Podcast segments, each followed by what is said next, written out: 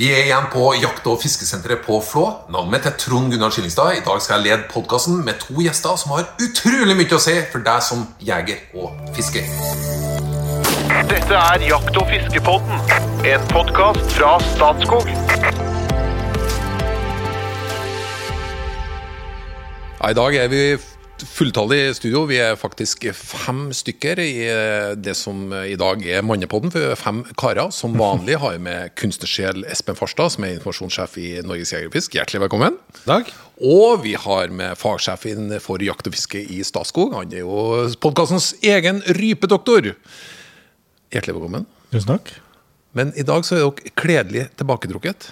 Fordi at vi har fått inn dem som har kanskje aller, aller mest å si for jakt og fiske, framtida for jakt og fiske i Norge. Først til min egen sjef, faktisk. Administrerende direktør eh, i Statskog, Gunnar Lien. Hjertelig velkommen. Tusen takk skal du ha. Og Eldar Berli, du er generalsekretær i Norges Jegerfisk. Yes. Og jeg hopper rett i det.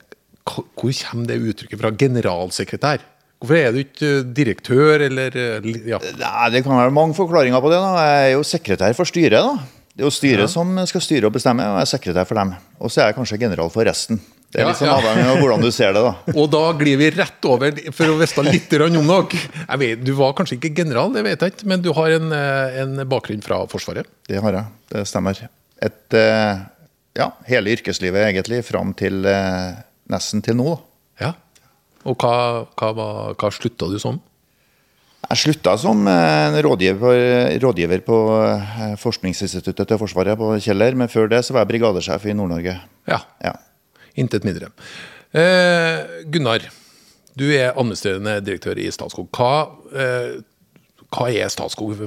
Korte, det er jo kanskje litt vanskelig å ta i korte trekk, men eh, for Statskog eier en femtedel av Norge og forvalter det. Men hva, hva betyr det i praksis for folk? Det betyr jo at eh, i Norge så er det folk flest som eier en femtedel av arealet. Og vi er satt til å forvalte det på vegne av fellesskapet. Og det er jo en hel drøss med forskjellige oppgaver. Fra skogsdrift til jakt og fiske, som vi holder på med her, og til festeavgift og, og eh, kraftproduksjon i ytterste konsekvens. Men du sjøl, når det kommer til jakt og fiske, hvordan eh, driver du med For å ta fiske først. Har du, noe, har du noe erfaring fra fiske? Ja, egentlig. Altså, som de fleste guttunger, så i hvert fall fra det området jeg vokste opp, så var fiskerstanga med ganske tidlig. Jeg tror nok jeg sprang rundt med den før jeg kom på skolen alene. Altså. Eh, Så jeg har fiska veldig mye opp gjennom årene. Hva har du fiska for noe? Det var, den var med overalt. Om vi var for på campingferie i Norge, så var den i baksetet. Og stoppa vi opp med en bekk eller ei elv, så hadde en tendens til å ut, eh, sprenge ut. Og det samme var det hvis du er i fjorden. Sånn at eh, det setter jeg umåtelig stor pris på. Har du tatt det med deg inn i voksen alder? Fiske? Jeg fisker litt fortsatt, men i mye mindre grad. Ja. Altså, eh, det har jo utvikla seg. Det starter jo med fisking, ikke sant? og så fikk du de første hegler. Jeg fikk den julaften da jeg var 16. Ja. Uh, den har jeg skremt mye fugl med. Kommet med mye mindre. Men, men uh, var mange gode opplevelser med det.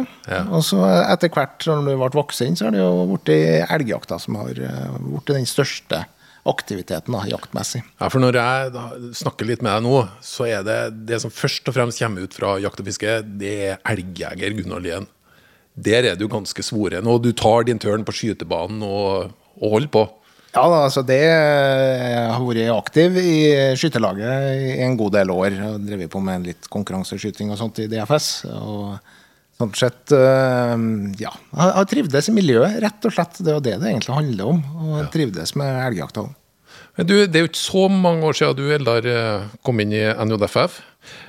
Hadde, var det, var det, har, hvordan, bakgrunn har du fra jakt og fiske? Er det noe du har bedrevet bedrevet i yngre år? Nei, altså Det er ikke noe jeg kan skryte av, egentlig. Jeg er jo omgitt av dedikerte eksperter, vil jeg si. Ja. Sånn at eh, sånn I forhold til dem som jeg jobber sammen med, og dem som jeg finner i organisasjonen, så er det lite. Men jeg har jo drevet jevnt og trutt. da.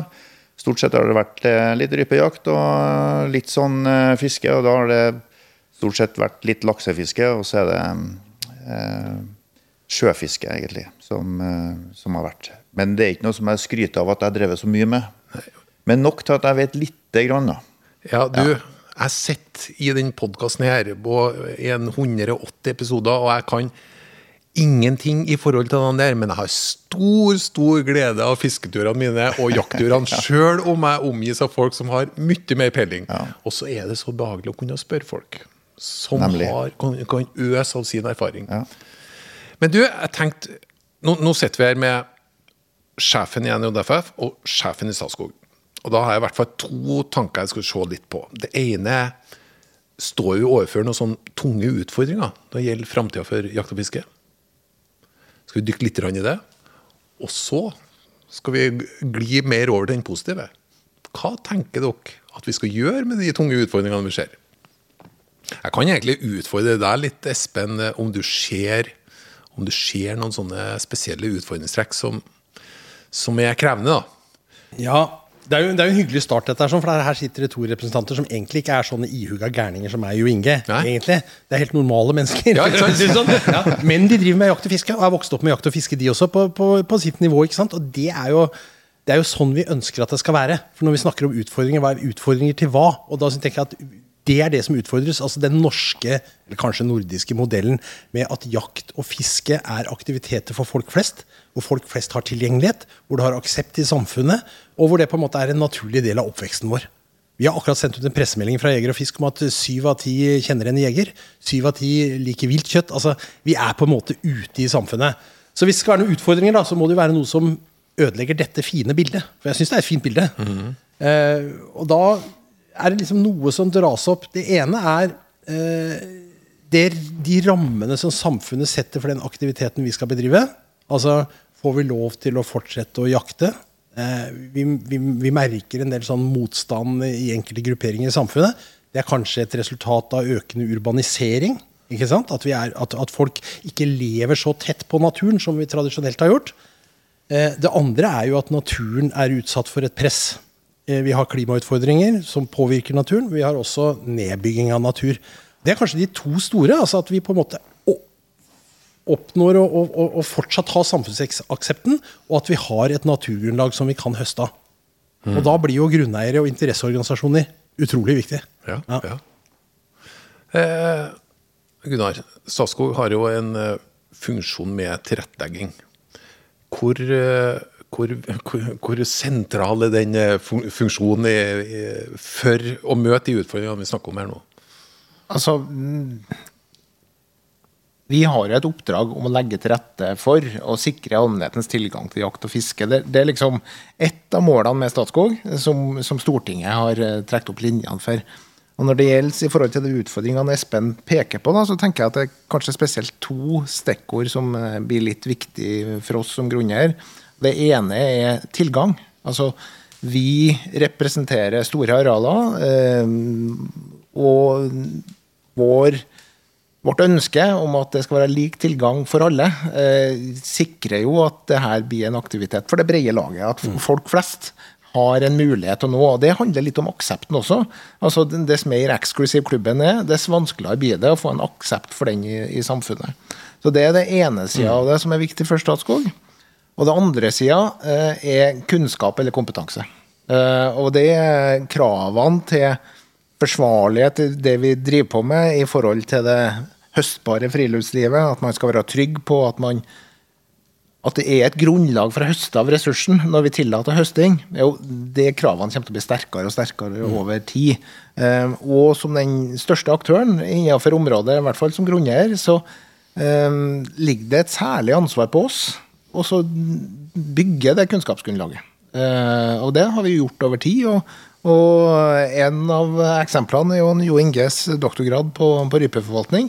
Men vi har mange sånne eksempler og mange ting vi jobber med nettopp for å sikre at her, man skal være trygg på at det er et forsvarlig grunnlag når man mm, tross alt er ute og høster av en, en ressurs som eh, vi alle setter pris på.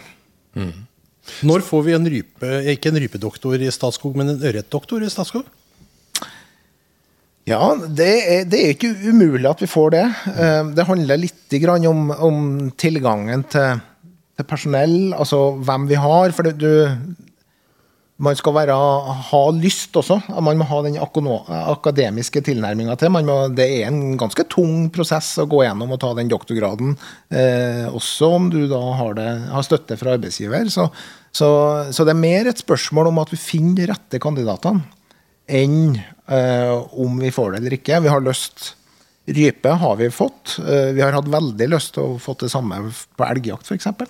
Eh, som også er en av de store faktorene. Eh, men vi har mange områder hvor vi i dag også innenfor andre fagfelt hvor vi bidrar til å sponse mm, ulike doktorgrader, f.eks. innenfor skog.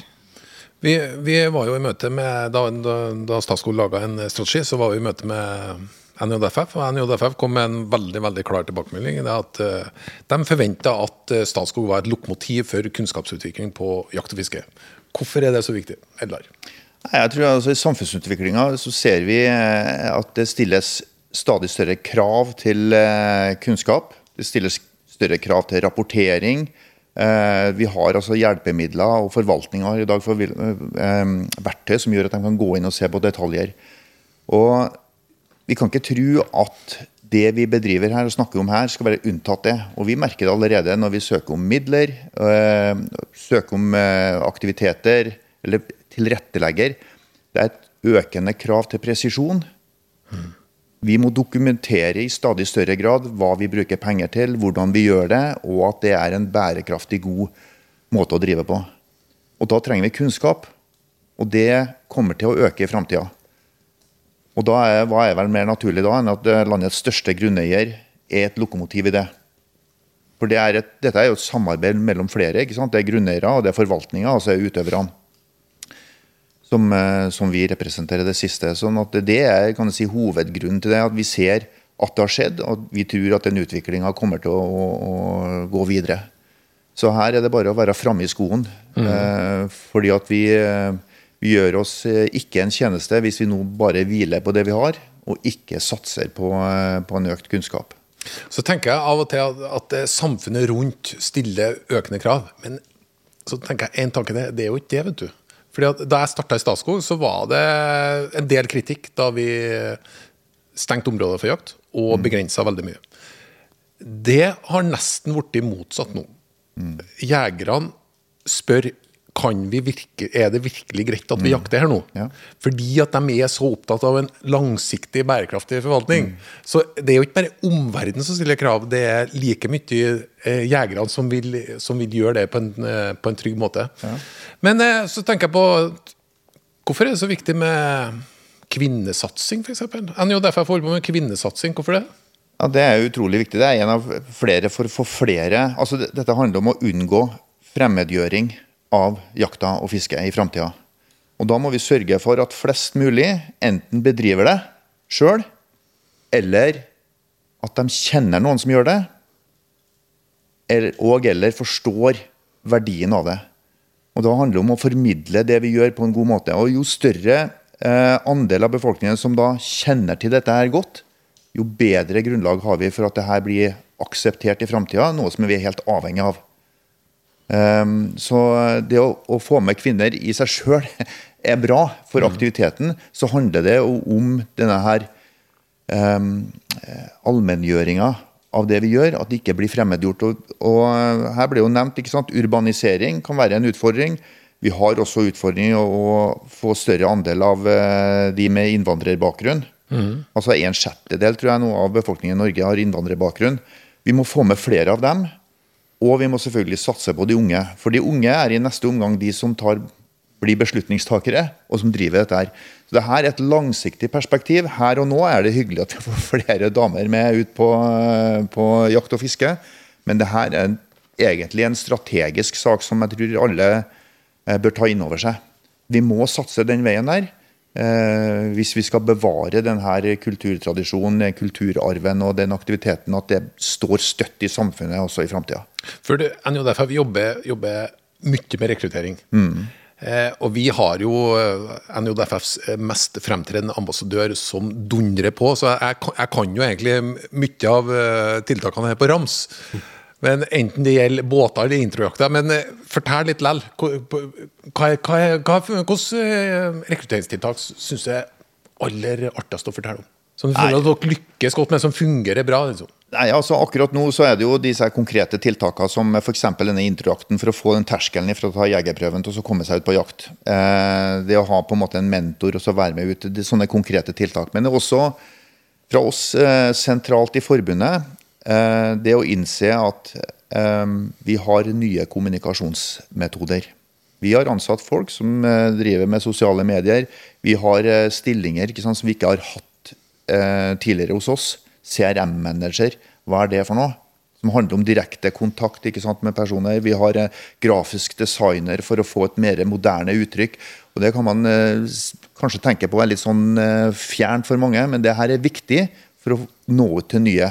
Det holder ikke å skrive brev eller satse på e-post eller sende en, en pressemelding. Vel og bra det, altså, å skrive i bladet, for all del. Men eh, eh, når så du en ungdom sist satt og bladde i papiravis og leste nyheter? De bruker telefon, og vi må være på den plattformen her, og det satser vi mye på. Og så er det selvfølgelig det arbeidet som skjer eh, lokalt, og det handler om å legge til rette for frivilligheten. Altså Det å være frivillig i en lokalforening koster litt. Det skal være lettest mulig, det skal være inspirerende, det skal være artig. Det, vi forsøker å legge til rette for det. Altså tilrettelegge for aktiviteter, for å få støtte. Eh, det, det være seg eh, konkrete ting som, eh, som materiell, undervisningsmateriell eller, eller den type. Eller det er altså rent sånne rutinehandlinger som søknader og rapportering osv. Altså det å gjøre frivilligheten legge til rette for at det skal være enklest mulig på lokalt nivå, er utrolig viktig i den sammenhengen her. Så, eh, fordi at rekrutteringa altså De fleste blir jo medlemmer ikke fordi at vi har en stor visjon i forbundet. Det kan være en god sak for, eh, for lojaliteten at vi jobber eh, godt som fagpolitisk, men de blir jo først og fremst medlem fordi de får noen fordeler her hos meg, i min lokalforening. De har båt, de har ei jakthytte, de har tilgang på en skytebane, de har kurs i eh, diverse på eh, fluefiske eller hva det skal være. De tingene der må fortsette, og da må vi sørge for at det, at det vi kaller for rammefaktorene, er bra for å drive med det i lokalforeningene. Så det, det var noe av det. Var kanskje ja. et langt svar på det korte spørsmålet, men, eh, Men går men- antallet medlemmer opp eller ned? Det går opp. Vi har ikke hatt større økning fra ett år til et annet noensinne, sier de som har vært der lenge. Fra 21 til 22, så nå er vi Vi har gått oppover siden 2020, vel. Så nå er vi eh, Vi står i fare for, for å bruke det uttrykket, nå all time high. Eh, Vi runder nok 120 000 medlemmer nå, eh, så det er vi veldig fornøyd med. Så det Det, går opp. det virker som dere er fornøyd, skjønner du. For jeg, jeg, jeg sitter jo i informasjonsstrømmen, egentlig. Så, og jeg får med meg mye, og det har sikkert med hva jeg klikker på i sosiale medier og sånn, men jeg får, jeg får et veldig eh, et, et sånn positivt budskap fra NJFF. Ja. Og det, det er en sånn gladkommunikasjon. Ja. Eh, ikke sånn eh, nei og nei og nei, ikke bygg ned mer. Sånn, det, det er en ja-kommunikasjon. Det går jo mye tilbake bevisst? til Espen, som er infosjef. Det er jo en, en kommunikasjonsstrategi som vi har.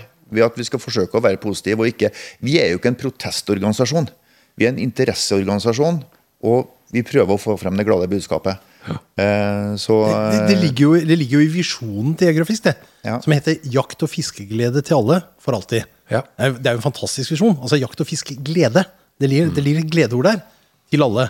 For alltid. Ikke sant? Det er, det er jo en fantastisk visjon. Og den er jo Det er som Eldar sier, vi, vi, har, altså, vi bruker positiv kommunikasjon aktivt som et virkemiddel for å nå fram. Og det går så det griner, for å kalle en spade en spade. Nå går det veldig bra. Det eneste som glapp litt her, det var vel å nevne Jakt- og fiskepodden som et av de virkemidlene vi bruker. Sant? Ikke sant? Jo, jo, men altså, jo, men altså- en. Ja, men vi helt seriøst ment òg, ikke sant? Altså, vi, vi, vi sitter jo her og bruker tid på Jakt- og fiskepodden fordi vi når ut til de mest dedikerte lytterne som finnes. De som faktisk velger å hente fram dette. Og vi har et sånn vi, har, vi kaller det jo infotainment, vi kan jo si det. ikke sant? At vi prøver å underholde samtidig som vi driver litt skolering og opplæring underveis. Folk må jo gidde å høre på. Altså, jeg underholder, han lærer. Sånn er det. det er stort sett sånn. Men det, det, er jo, det er jo også et område Særlig sånne store grunneiere som holder på med mange forskjellige ting, må av og til gjøre noen vanskelige valg, og det skal vi snart inn på. Men dere skal få et lite ekstra vanskelig valg først. For det har vi jo hver gang i podkasten. Du skal få lov til å fjerne én ting her nå. Du kan fjerne hjortelusflue eller flått. Hjortelus, hjortelusflya. Fjern den. Ok, Jo Inge. Eh, jeg må ta bort flåtten. Jeg er mer redd for den. Du tar for det er en ordentlig heslig krekk, men eh, den drar med seg mer faenskap, den flåtten. altså. Så jeg tar bort den. Ja, du, du er ikke så bekymra for det? Nei, Hjortelusflua er flott- veldig irriterende. Det har vel man levd med flåtten noen år, da, mens hjortelusflua syns jeg Ganske heslig. på meg de siste åra, og den syns jeg er noe ordentlig ordentlig herk. Ja. Ødelegger noe av gleden enkelte gang. Espen? Nei, jeg tror jeg er enig med Jo Inge. Jeg ville bli kvitt flåtten, for den har det liksom potensialet for litt mer alvorlig sykdom da, enn hjortelusflua. Men hjortelusflua er utrolig irriterende. Det skal jeg være enig i. Og nå er spent, Gunnar. Nei, altså, jeg er enig med at helst vil bli kvitt flått, altså. Ja. Det er- Flua er herk, men, eh, men dog. Um, Men har du fått hjortelusflue oppe i Namdalen? Ikke sant? Nei. Det har Men- noen men- fordeler med å ha dårlig vær. Vi har det. Men, eh, men eh, nei, jeg vil uansett ikke Og vi har ikke eh, hatt så mye flott heller før de siste årene, egentlig. Eh, sånn at det, det, det er jo Vi har vært forskåna for mye jækelskap, Ja, men dere si. har jo, dere har jo trønderrock å slite med, så det skulle bare mangle. Kommer vi tilbake til det. Det var ikke et alternativ. Men du, Gunnar. Vi, altså, Statskog legger til rette. Du ser tilgang til alle sammen. Vi jobber utrolig mye med bærekraftig forvaltning av jakt og fiske. Samtidig så jobber vi med utbygging av hyttefelt. Vi jobber med hogst, og det er delvis plukkhogst og delvis flatehogst. Mange vil si at hvordan i all verden greier dere å holde på med ting som nesten går diametralt mot hverandre? Ja, det er et uh, veldig godt spørsmål. Og det er et, det er, det er et dilemma. Eh, Statskog eh, står i en spagat, det tror jeg vi skal erkjenne. Eh, og vi har et målbilde som, som, som spriker i mange retninger. Vi skal ta flere hensyn. Eh, men det ligger jo i selve bærekraftsbegrepet òg. Altså det handler om å ta flere hensyn. Bærekraft handler om både det miljømessige, det samfunnsmessige og det økonomiske. Vi må finne en balanse her. Så jobben til Statskog det er å finne nettopp den balansen. For når vi da jobber med hyttefelt eller legger til rette næringsareal, som vi også gjør, ja, så handler det for mange mindre distriktskommuner om arbeidsplasser, om aktivitet lokalt, og en, en mulighet for dem til å utvikle sine samfunn. Det samme gjelder jo med skogsdrifta, egentlig. Det er vi, vi skal gå over fra å skifte ut det svarte karbonet vi har i olje og kull, til å bruke andre råstoffer. Da har vi et grønt karbon som kan, egentlig kan brukes til mye av det samme. Men det er klart, det kommer jo ikke uten konsekvenser, det heller. Det vi ønsker, da, det er jo at vi kan godt være ha forskjellige meninger både på hvordan skogen skal drives, og om det skal hugges i det hele tatt. Men, men vi ønsker jo å være Kall det gjerne best i klassen. da, at I den grad at vi, vi skal komme dit at vi skal gjøre valget, så, så vil vi gjerne at vi skal være den foretrukne aktøren. Uh, og vi prøver å gå også der to skritt fremom og ta den siste tilgjengelige kunnskapen i bruk så fort som mulig. Nå kom du nesten på en trønderrocklåt, og det var to skritt frem og fire tilbake, men jeg kan eh, Det med Åge, alle sammen. Men, men, Men, eh, dette, ja. dette, ja, dette, er, dette er interessant, for at hvis du ser, Nå har det vært gode tømmerpriser en stund. Og det betyr jo at vi som går mye i skauen, enten vi går med hagle eller vi går med soppkurv, vi møter jo enorme hogstflater. Og med dagens driftsform, med svære, tunge maskiner og sånn, så unnskyld uttrykket, det ser ut som skauen er voldtatt. Ikke sant? Det er jo, det ser ut som man har kjørt motorcross gjennom skauen. Det er svære løyper, og det, det ser jo rett og slett ikke ut. Og jeg tenker at Må vi drive skauen på den måten? Kan vi ikke ta ut av skauen på en annen måte? Og da må jeg jo se til Statskog og si at kunne ikke dere vært Dere burde hatt et slagord som er Statskog litt bedre enn resten. At Dere kunne liksom ligge frampå og latt 15-20% av skogen stå igjen, eller i sånne flater. Gjort det på en annen måte. altså vært det dere skal være lokomotiv på kunnskapssida, sa Eldar. Dere skal også vært en lokomotiv på den utviklinga, tenker jeg. For det Hvem skal ellers gjøre det? Om ikke dere skal hjelpe oss ut av det der flathogstdriten, for å kalle det et ord. Men eh, Gunnar, klar utfordring. Ta så, ta så Se litt inn i glasskula, så ser du en 10-20 år frem i tid når det gjelder skogsdrift. Ja, nei, bare for første, altså, Vi har jo allerede en sånn 15-20% som står igjen. Altså, Det settes av veldig mye av skogen, og, og det, det tar utrolig mange hensyn, og, vi ligger nok eh, i, i forkant på det. Så kan man det her med flatehogst, eh, plukkhogst, eh, er en, en litt sånn vanskelig diskusjon, for det handler også litt om den skogen du har i dag, som er etablert ut ifra et begrep. Å endre skog, og endre skog fra den, den planta hogstfeltet til å bli en flersikta skog, det tar tid. Det tar veldig lang tid, um, og det er nok ikke um, over et år, eller tiår, eller kanskje 100 år. Eh, Så det er noe man må jobbe med over tid, og jeg, jeg tror nok vi beveger oss i retning dit. Vi, vi skal nok eh, ha en større andel av i hvert fall mindre hogstflater eh, og mindre løsninger. Men, men opp gjennom historien så har vi jo hatt flere driftsformer på skogen. Og det er en grunn til at man har endt opp også på de hogstflatene man har gjort. Og det var også biologisk betinga. Fordi at det viser seg jo at det er vanskelig å få ny skog opp igjen hvis du ikke slipper noe lys. Og ikke, slipper du ikke noe lys, så får du også et, gjerne et treslagsskifte. Sånn at det som da er furuskog, plutselig er det grana som trives, og så, så blir det en helt annen skog igjen. Så, så dette er et vanskelig bilde. Jeg skjønner at det er vanskelig, og jeg skjønner at vi står på utsiden og ikke helt skjønner dette, sånn, men jeg er sikker på at jeg hører tiuren grine borti skaukanten i den grad han er der lenger. Så det, så det er, for det den siste, Vi ser jo stadig større hogstflater. Stadig med liksom hardere bruk av skogen. Det er i hvert fall det inntrykket sitter igjen med. da. Jeg sier ikke at Statskog nødvendigvis er noe eksponent for det, jeg håper jo ikke det. Men, men, eh, men det er trist å kjøre ut i skauen mange ganger og se hvordan det er blitt. Altså. Det syns jeg. Nei, da- vi, vi kan jo være enige om at ei moderne hogstflate behøver ikke nødvendigvis å se veldig pen ut. Og så er det så ser den litt ekstra rotete ut, fordi at den skal se rotete ut. Det skal stå igjen død ved, det skal stå igjen en del enkelte trær som, som egentlig visuelt sett ikke er så veldig bra, men som eh, er miljømessig er, er det det skal være. Nettopp fordi at det skal sikre andre miljøhensyn. Eh, Så, så det er et vanskelig, vanskelig bilde, eh, og det er en kjempevanskelig diskusjon. Og vet jo at andre skogeiere også er veldig opptatt av det her, for man, man ønsker å finne driftsformer som er viktig for for det miljøet man tross alt er en del av. Og i veldig mange, i hvert fall i bynære områder, så er skogen viktig for byens befolkning. Mm. Å, finne driftsformer som tar og balanserer også her, ulike hensyn, ja, det må vi kanskje bli enda flinkere til. da.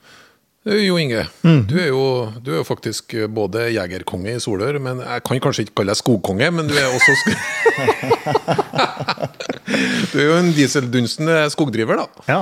er... Har du noen tanker rundt det, du? Er, er, det, er det veldig problematisk for viltet, måten eh, vi, vi driver moderne skogbruk på i Norge? Eh, Ja, det kan det være, faktisk. Eh, Så, så er jo langt på vei enig med Espen i noe han sier her. Eh, For det er forsket en hel del på det, da. Og det behøver ikke være bra skogbruk. eh, Og i noen ganger så er det ikke så ille som vi tror det er, da. Så, så det er jo Det har vi funnet ut f.eks. på skogsfugl. At det var ikke så ille som vi trodde det var når vi mer eller mindre hogg vekk naturskogen vår. Da, så går det overraskende bra. En del arter går det overraskende bra for. Og, og det er et litt høyere Hvis du teller arter, det så er det litt høyere mangfold i driveskog kontra eh, skog som bare står, f.eks. Det er ikke alle som får med seg det. Eh, Men, men dette er en stor debatt. En fryktelig stor debatt i EU. EU er store på skogbruk. Svenske og tvinne er enormt store. Eh, Der går det nå over på mer mindre maskiner og drift hele året. Svenska har et kjempestort maskineri som skal gå hele året. Og der er, der er faktisk trenden motsatt av Espen sier, at det går over til eh, å kjøre småskaladrifter og mer lettere utstyr som kan gå hele året. For vi kommer til å få et kjempeutfordring med å drive i bærmarkssesong. Det er jo snart ikke tæla. Og det å da å kunne kjøre og ta ut etter virkefisk her, ha det ut. Om det er i småflater eller i enkelttrær, så skal de ut til slutt. Og da, da må vi kunne drive da med metoder som er mer skånsomme for marka, ikke minst. Og unngå avregning og kjørespor og, og alt det der som på en måte blir oppfattet som negativt. da. Men vi skal nok drive skogbruk framover. Men, men jeg tror utviklinga går ganske kjapt nå. Det er ganske stor bevissthet rundt å drive mer, kanskje mer viltvennlig og mer eh, skånsomt da, for bakken under. Ja. Jeg glemte av at vi skal ha en, minst en egen episode om uh, skogsdrift og vilt? Fordi, fordi at det er veldig sammensatt og komplisert. Som, Fryktelig sammensatt. å Gå litt inn på, da. Ja, vi kan Og, prate opp til flere minutter om det, tror jeg. og elg, elgjegerne har nå sine tanker, og fuglejegerne har sine tanker. Og når Espen kommer til et område han har tenkt å jakte, og så er det hogg, da får han eh, mange tanker i hodet osv. Men vi skal faktisk eh, nærme oss landing. Nei, vi skal jo en limerick. Ja, det var jo det. Ja, for at nå, nå har vi jo Vi har jo vært vi var litt strenge med Statskog her nå da, på dette med skogdriften. Og det Sikkert fortjent det, da, men så da har, vi, har jeg lagd en smiskelimerick til slutt, da. En, eh, en stor statlig grunneier fra Namsos var så stor at han ofte ble framstilt som mafios. Men staten, det er oss. Vi trenger ikke slåss, for hos staten kan vi jakte både elg og gås. Det var jo lov! Ja. Eh, Eldar, jeg, jeg har, jeg har NJFF noen noen store, store ting på gang? Ja, Som er vi, litt, litt hemmelig? Uh, ja, hvis det er hemmelig, så skal ikke jeg ta det her. Nei, vi har uh, tanker om uh, hvordan vi skal gjøre det fremover, men det, er, det er litt prematurt å si, da, fordi at det er jo sånn hos oss at det er medlemmene som bestemmer.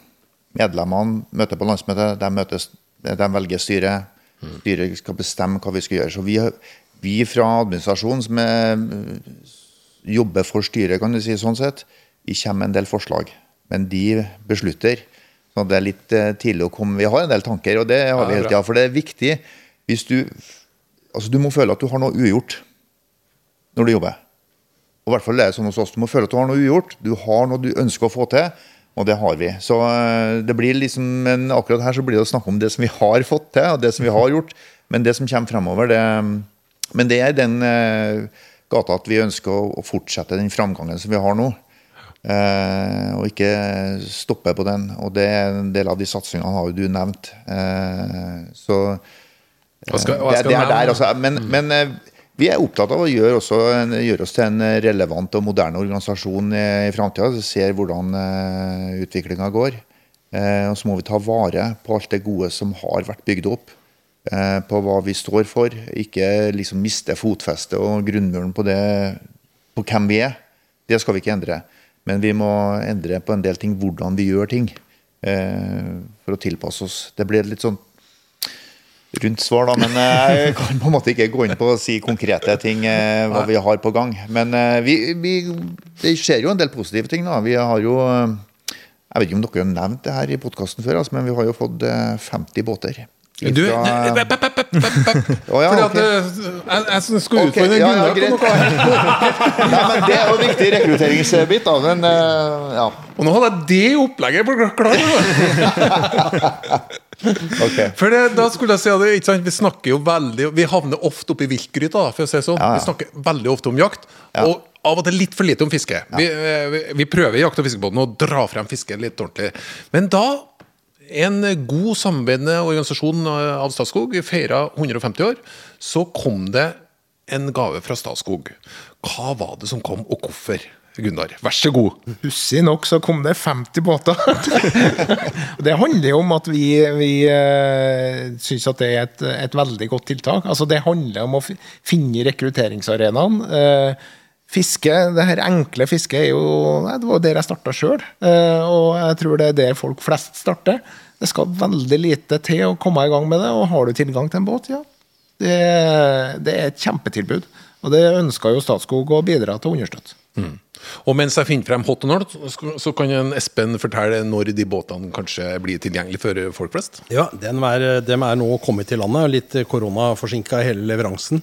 Eh, Men eh, de ligger klare og kommer til å bli utplassert når eh, isen går på vårparten igjen. Så det er bare å glede seg til neste år. Da er vi, ja, da er vi vel 160 båter, eller hva det er for noe. 200. Men er vi 200? Ja, ja, vi er på 150 båter nå, så får vi de 50 her, så er vi på 200 båter spredt rundt hele Det er et eventyr. Jeg klarer ikke å henge med. Jeg beklager. Det går så fort, og det går oppover. Som sagt, det går så det griner. Men du, Veldig veldig, veldig hyggelig å ha dere på besøk. Det ble jo både Ja, det ble, ble, jo- berørt jo noen eh, gnisningstema, men også en felles, sterk felles eh, tanke om å legge til rette for jakt og fiske også inn i framtida. Og for å understreke det, så skal vi ha en eventyrlig bra hot or not. og dere, jo, dere er jo selvfølgelig faste lyttere av podkasten, så dere vet jo hvordan dette foregår. Eh, Gunnar, du skal få lov til å starte. Og så går vi runden her nå. Og her er ikke noen forklaring. Det går ikke an å sette noen premisser. eller noe sånt. Du, du må svare hot or not. Er du klar? Kjør på. Jepp. Filmen eh, Top Gun. Hot or not? Ja, det er hot. Espen? Ja, not. Jo Inge? Hot. Hot. Og reinsdyrskinn. Hot or not? Ja, det er hot. Ja, det er hot. Hot. Hot. Utsetting av rapphøne. Hot or not? Uh, not so much. Ja, ja. Hot. Ja, men så god, Eldar. Mumleskump. Ok. Jordomseiling. Hot or not? Ja, det må være hot. ja, hot. Ja, det må være hot. Hot. Tidlig rypejakt i Sverige. Hot or not? Eh, Not for meg. Hot. Hot. Hot. Oi, altså. Bjørnejakt i Sverige. Hot or not? Norske bjørn har god nok, dem. Jeg vet ikke. ja, men det er, det er hot. Ja, hot, ja. Hot. Hot. Og såpass, ja. Og da er vi i siger, vet du. Fra Terje Tyslands album 'Lidderlig glad', låta 'Kjør meg hjem'. Hot? Et rungende hot i Trøndersvært studio. Takk for følget, og velkommen tilbake til nye eventyr med Jakt- og fiskepodden.